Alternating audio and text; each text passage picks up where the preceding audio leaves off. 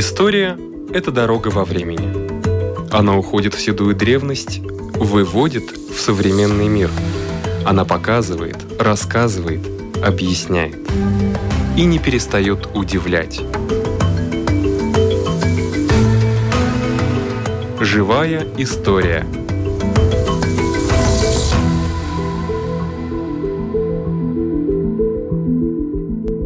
У микрофона Лидия Чера.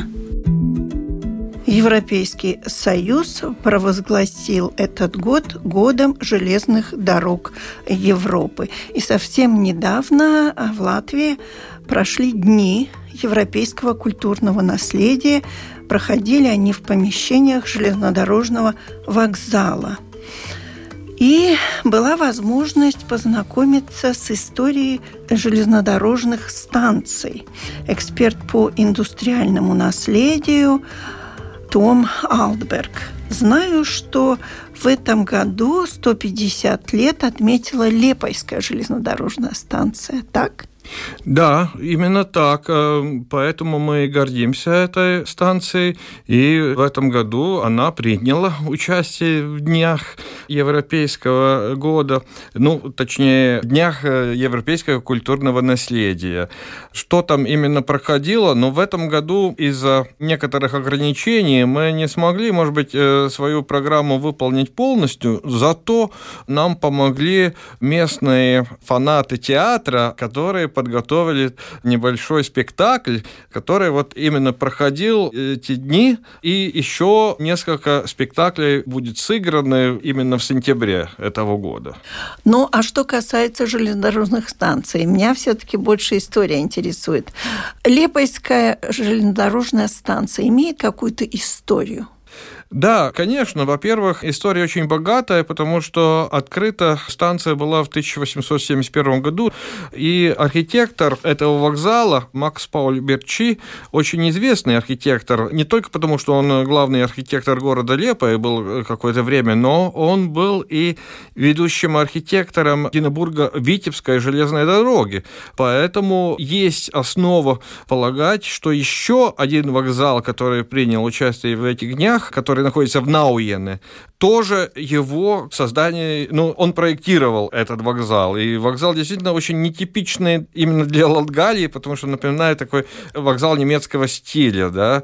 Науен – это бывшая станция, предыдущее название Юзефова, Динабурга, Витебская железная дорога. И вот единственный вокзал, который с этой дороги, которая была открыта в 1866 году, сохранился. То есть он еще старее, чем э, Либавский или Лепойский вокзал. av Dago Pjoski. Даугапилский тоже такой, ну, капитальный. Он был построен в 1950-51 году, после Второй мировой войны, потому что те все вокзалы, которые в Даугавпилсе, а их было несколько, были построены до этого, были уничтожены во время военных действий Второй мировой войны. Поэтому, может быть, Даугавпилский вокзал в следующий раз примет участие. Сейчас э, в этом году мы немножко обратили внимание на вокзалы, которые постарше.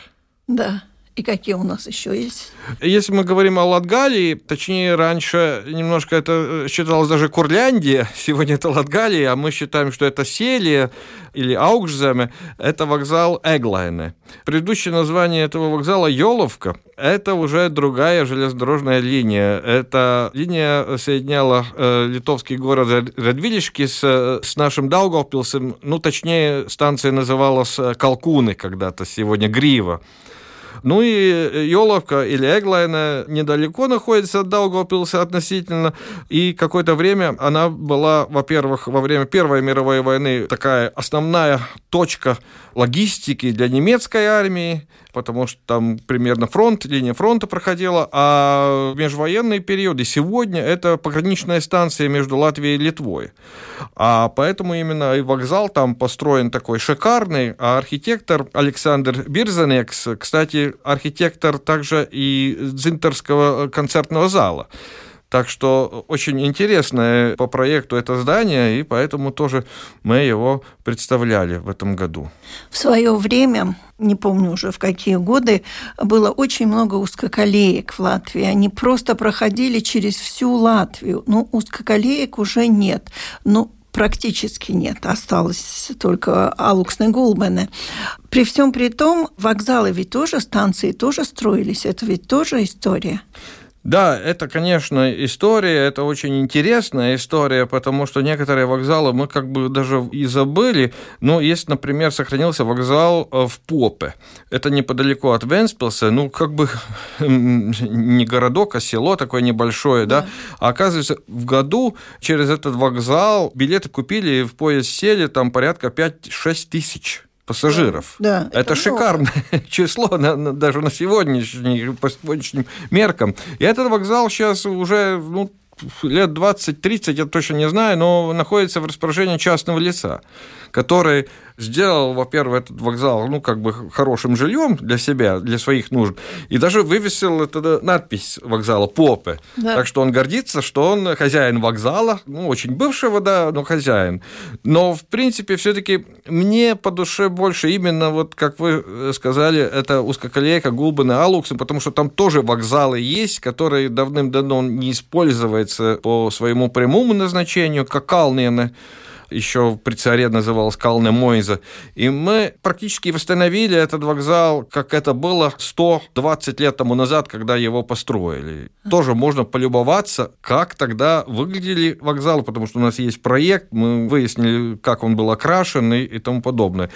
Вот можно как бы попасть обратно в историю. Да, да и Стамиренский вокзал тоже отреставрирован. Да, да, да. Там, ну, там, может быть, еще внутри надо что-то э, подумать, да, потому что там люди живут. Да, а, а Калнин, он пустой, мы там и интерьер восстанавливаем. Но это не до конца, да. Но и Авалуксны. Авалукс, например, как можно, хотя там часть только вокзала сохранилась, э, потому что во время Второй мировой войны что-то там снесли, большую половину, а в этой части сейчас продают бургеры. И этот вокзал опять другую свою жизнь получил, новую, так можно сказать. Да. Да. Алуксна Гулбан, эти вокзалы хорошие. Но вы говорите, многие разбомбили во время Второй мировой войны. А сколько сейчас вокзалов пропало вместе с э, тем, как пропали железные дороги, которые были, а теперь их нет, а те вокзалы стоят вообще бесхозные. Можете сказать о тех вокзалах, которые сохранились, потеряв свое основное назначение? Ну, кроме Попы, в Курляндии относительно много вокзалов сохранилось. Конечно, те, Именно которые... как жилые дома, да? Да, да. Ну, вот Талси, например, вокзал шикарный. Сегодня автовокзал не железнодорожный вокзал, а автовокзал служит для других нужд. Тоже сейчас а, отремонтирован, очень шикарное здание в центре Талсы. Но там много, там есть и Цирули, и Дундага. Дундага как пансионат используется. Цирули – это частное здание, Валдгал – это частное здание. Ну, вот как бы свою вторую жизнь они получили, но вот как Земгалы, хотя там железная дорога мимо проходит, причем Петербурга-Варшавская, сейчас э, служит как церковь. Этот вокзал немножко как бы нестандартно сегодня используется. Да. Католическое. Направление Эргли тоже там станут. Да, направление Эргли почти все вокзалы сейчас восстановлены. Сунта же восстанавливается, а Марис Олта, который э, хозяин Эргельской станции, или ну, вокзала, будем точнее, да, там уже сделал ресторан, так что все отлично. Скажите, когда начинаешь изучать историю какого-то вокзала, всегда ищешь тоже какую-то историю, связанную с этим вокзалом. Что вас удивило больше всего? Какой вокзал, может быть, вас удивил? Кто-то там, может быть, останавливался? Или есть еще какие-то воспоминания о вокзале? Да, ну, меня больше всего удивил вокзал в Карсебе или Корсовка, тоже станция Петербурга-Варшавской железной дороги. Я когда первый раз туда приехал, да, ну, вокзал такой солидный, и домов сколько там, и депо, здание, бывшее здание депо, я подумал, ну да, ну так, станция, ничего себе. Ну, в Карсову каждый день не поедешь, это от Риги там километров за 300. Но когда мне потом попросили сделать э, такую небольшую работу научную, местное самоуправление заинтересовалось в истории.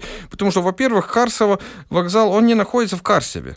Название, да, а само расположение это Бозово, это э, совершенно ну, отдельное как бы село такое. А оказывается, там работало, ну, числилось, я так сказал, порядка 5 тысяч железнодорожников.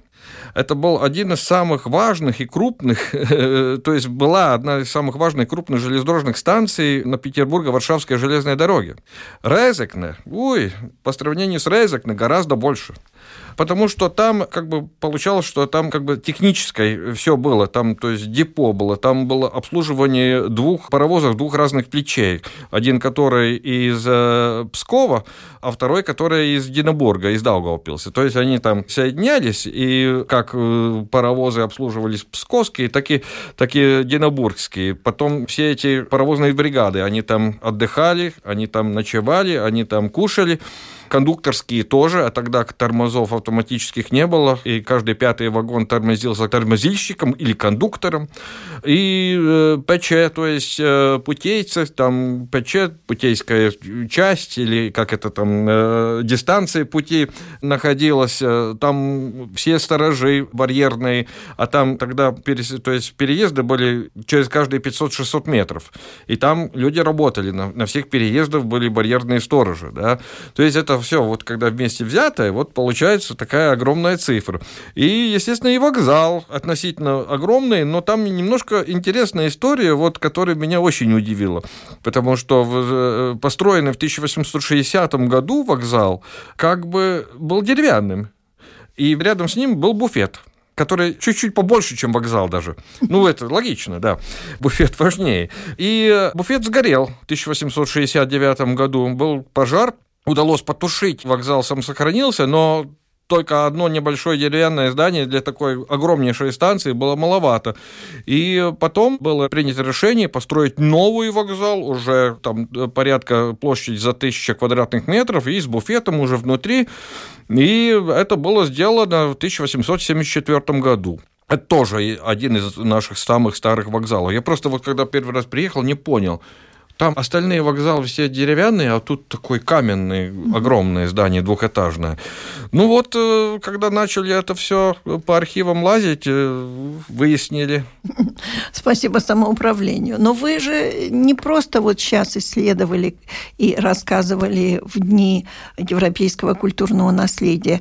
Где-то же эти ваши знания ну, я знаю, что какие-то видеоработы ведутся даже. Угу. Что это за видео? Клипы или как? Да, да, есть, конечно, книга, это как бы основа, но там в пару предложениях о каждой станции. Сейчас э, мы в рамках ЛДЗ, у нас свое телевидение есть, ну, конечно, любительского типа, снимаем э, видео, можно не так сказать, что абсолютно о каждой станции, но о станциях, которые имеют какое-то значение для железной дороги или имело когда-то, да.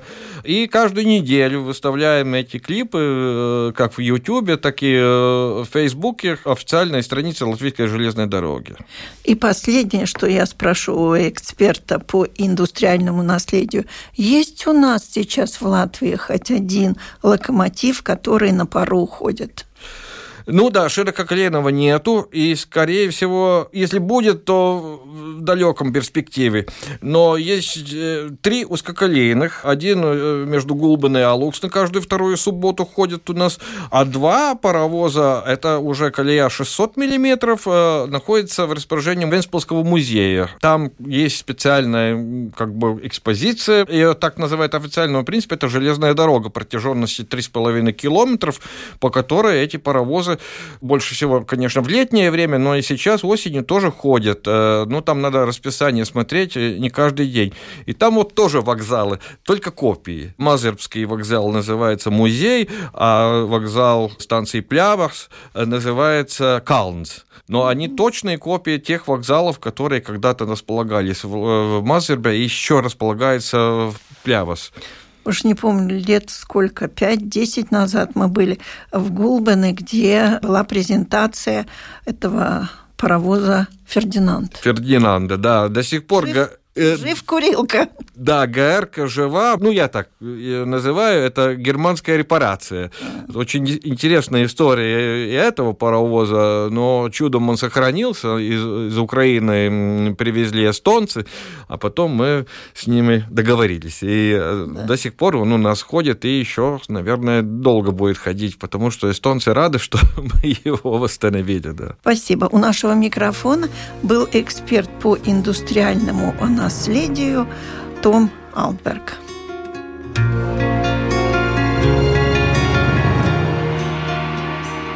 Сегодня поговорим о монетах.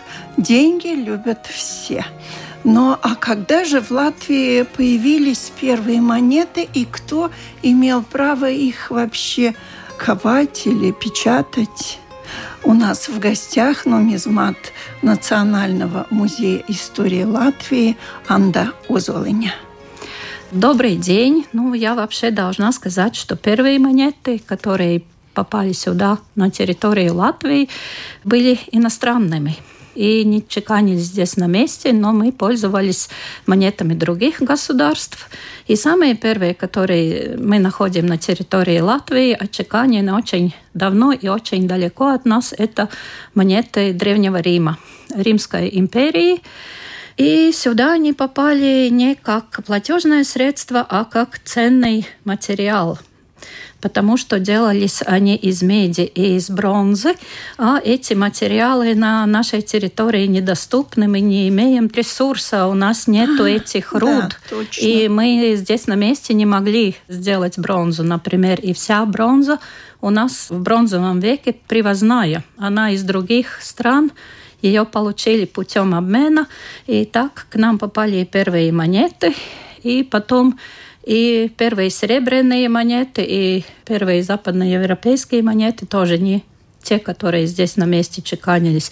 А право чеканки монет у нас 13 века, когда епископ Алберт уже после того, как э, здесь э, немецкие торговцы и крестоносцы основали Ливонское государство, Ливонскую конфедерацию, епископ Алберт э, имел право давать право чеканить монету, и он этим воспользовался и дал это право торговцам из Готландии. И они имели право чеканить монету по монетной стопе, которая была там на Готландии, а с изображением отличающимся и с изображением епископа на этих монетах. И это самые первые монеты, отчеканенные здесь на территории Латвии.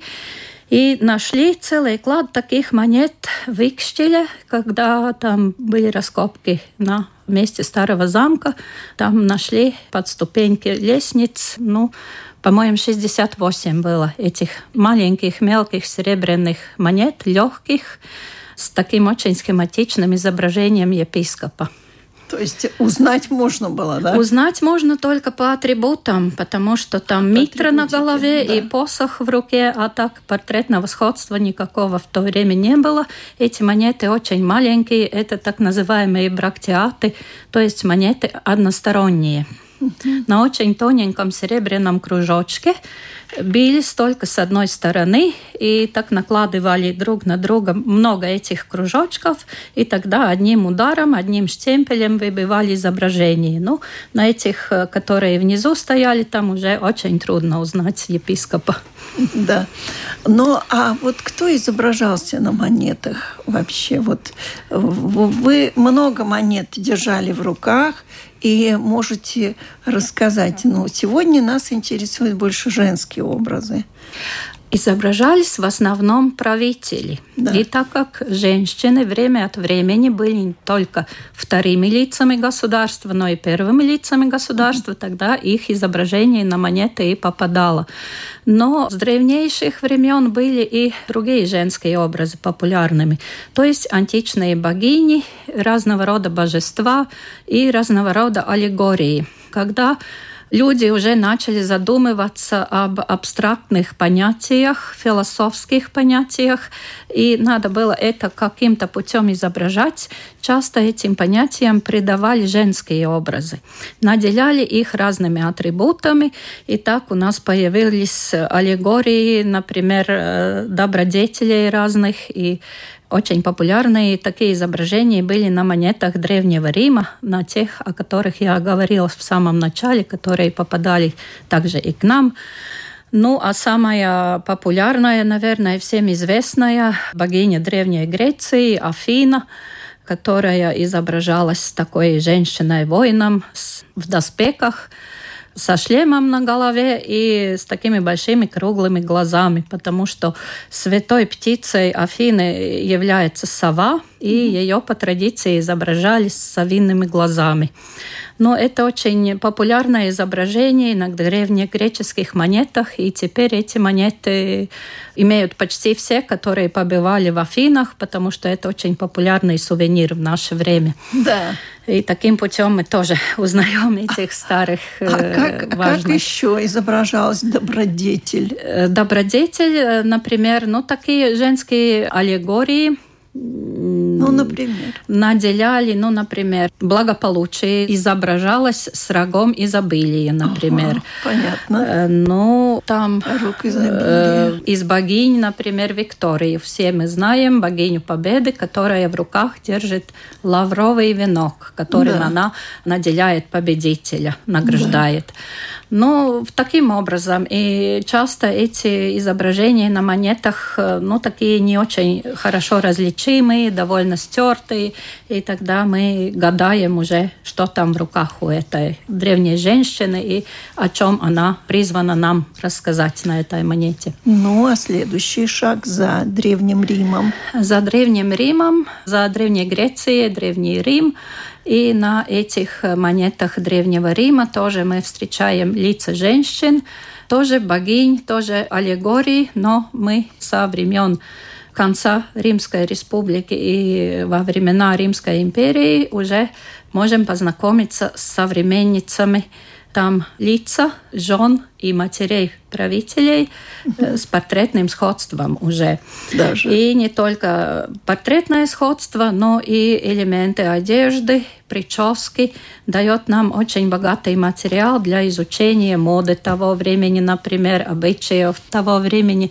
И свидетельствует о том, что эти женщины, хотя и не были императрицами, но очень почитались, уважались своими мужьями и сыновьями. Кого вы имеете в виду? Ну, например, Юлия Друза, которая была и матерью и бабушкой императоров, и ее сестра тоже была и матерью, и бабушкой императоров, и император Элагабал сделал монету в ее честь, изображая на нем такую очень почтенную римскую матрону с вуалью, такая очень красивая женщина там изображена. Но этих изображений очень много, и много можно было о них рассказывать. И лучше всего это делать, смотря на эти монеты, потому что по описанию иногда трудно представить все это интересное богатство материала, которое эти изображения дают э, историкам. Ну, может быть, какую-нибудь историю попадания к вам какой-то монеты, которая вначале казалось, что она не такая редкая, а оказалась очень редкая. Ну, как сказать, мы молодой музей, молодой в том понятии, что начали наши коллекции собирать только э, в начале 20 века, в самом конце 19 века поступали самые первые эти э, монеты к нам. Ну, а те музеи, которые уже имеют историю, начиная с 17-18 века, они, конечно, имеют коллекции намного богаче. И к нам поступают в основном находки с территории Латвии. То есть не из старых коллекций э, монеты, а именно те, которые люди находят. И находят э, монеты, которые долгое время пролежали в земле, и они уже не такой сохранности, не такие хорошие, не такие... Они на более стертые, более непонятные и, э, к сожалению, также и более распространенные типы монет. То есть в земле мы обычно находим то, чего много мы находим монеты 17 века, шиллинги этого самого Яна II Казимира, который правил в Польше и Литве. И ну, его, его медными шиллингами вообще полна вся земля Латвии. И шведские шиллинги тоже очень много мы находим. Но иногда среди этих монет попадаются такие, которые нас немножко озадачивают, не совсем обычные для нашей территории, но так, чтобы рассказать о каком-то очень уникальном примере я сразу так и затрудняюсь назвать такой случай, чтобы это было что-то такое, что какую-нибудь сенсацию международного уровня было. Ага. Это случается больше с монетами, которые постарше, которые чеканились в X, XI, XII веках. Конечно. Это, конечно, ну там они намного реже, намного интереснее, но, к сожалению, и не так часто находят их на нашей территории. Да. Ну а теперь посмотрим, что вы интересного еще можете по Ой, вашим... я могу очень долго рассказывать о женщинах на монетах, потому что и на нашей территории тоже мы сталкивались в разные исторические времена с тем, что правительницы, императорши и королевы нашей территории тоже появлялись на монетах. И связано это, конечно, с тем временем, когда здесь Лифляндия была частью Большого шведского государства, которым правила всем известная королева Кристина, которая чеканила свои монеты здесь, в Риге. И здесь был открыт второй монетный двор, так называемый государственный монетный двор. Именно на этом монетном дворе делали те знаменитые, красивые золотые и большие серебряные монеты Кристины, на которых мы очень хорошо видим ее портрет – и изображение в полроста и в полный рост с характерной одеждой того времени. Там такие красивые пышные платья, корона на голове королевы. И можно судить даже, что этот мастер пытался достичь портретного сходства с Кристиной. Это серебро или бронза? Это серебро, талеры, большие серебряные монеты и дукаты золотые, которые, конечно, не были монетой обращения. Талеры изредка попадали в обращение, ну а золотые монеты были в основном как для престижа, так более из политических мотивов чеканились, чем из экономических. Ну и потом уже, когда после Большой Северной войны территория нынешней Латвии попала в Российскую империю, там на трон по очереди восходили очень известные императрицы. императрицы да. И, конечно, монеты с их портретами тоже попадали на нашу территорию. И там мы имеем действительно очень интересный клад, клад э, российских рублей 30-40-х годов XVIII века. Это время правления императрицы Анны Иоанновны. И там из э, немногим более 20 монет мы можем выделить несколько вариантов ее портрета. И так э, современники оставили воспоминания о том, что она была очень придирчивой, очень недовольной своими портретами, изображениями на монетах, и все время заказывали новые и новые портреты. И так очень большое разнообразие монет получилось, которые мы и имеем в своей коллекции благодаря этой находке. Да, но особой красотой она не блистала. Не блистала, да, да и, наверное, потому и очень да. старалась как бы более да прилично выглядеть, но эти пышные формы и такие очень репрезентабельные такие портреты были и э, знаком того времени, потому что они не только должны были нам рассказывать о том, какая красивая эта императрица, но и о том, какое могущество имеет это государство. Да. То есть она должна была быть такой немножко грузной, очень такой репрезентабельной, очень такой ну, могущественной, чтобы всем доказывать, каким богатым и могущественным государством она управляет. Ну и такие могущественные женщины появлялись не только на российских монетах, такие были и, например, на монетах австрийских Габсбургов. Это Мария Терезия, которая тоже долгое время правила, была императрицей и ставила такие свои репрезентабельные портреты и на свои монеты, очень распространенные в Европе в свое время. Так что это, ну, как бы и знак времени. И вообще очень часто именно разные веяния в истории событий и также разные направления в искусстве влияют на традицию этих женских изображений. И уже позже, когда актуальными стали не империи, а демократические государства в Европе, то есть появились республики. Часто символами республик тоже стали женские фигуры. Их наделяли разными атрибутами, символизируя новые национальные государства и подчеркивая то, что это свободная страна, это демократическая страна. Но все мы, наверное, знаем Марианну, очень известный символ Франции, Французской республики. Сначала это была девушка э, с развивающимися на ветру волосами, с этой фригийской шапкой на голове или шапкой свободы, как ее называли. И э, такой образ ставился и на монеты Французской республики. А уже позже она получила такие индивидуальные черты лица. Это уже в 20 веке, в середине и во второй половине 20 века Марианна начала приобретать портретное сходство с такими знаменитыми женщинами Франции. Первой, на которую была похожа Марианна, стала актриса Бриджит Бардо, потом была певица Мирей Матье, ну и модель Летиция Каста тоже служила прообразом для Марианы в, какой-то период времени.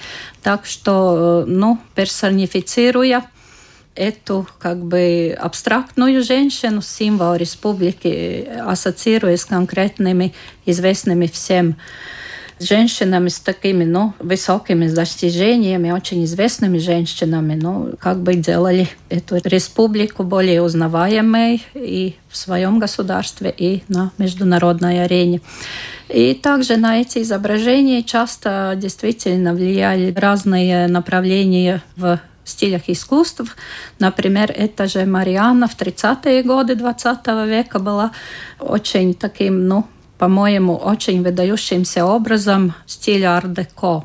Mm-hmm. Она изображалась такой очень гладкой головкой, в шапочке того времени с ну такими. И это тоже на монетах. Это тоже на монетах. Это, например, на Монета достоинством в 5 франков, по-моему, 1933 года. Это крупная монета, и на ней очень хорошо видно это прекрасный портрет э, в стиле ар-деко того времени.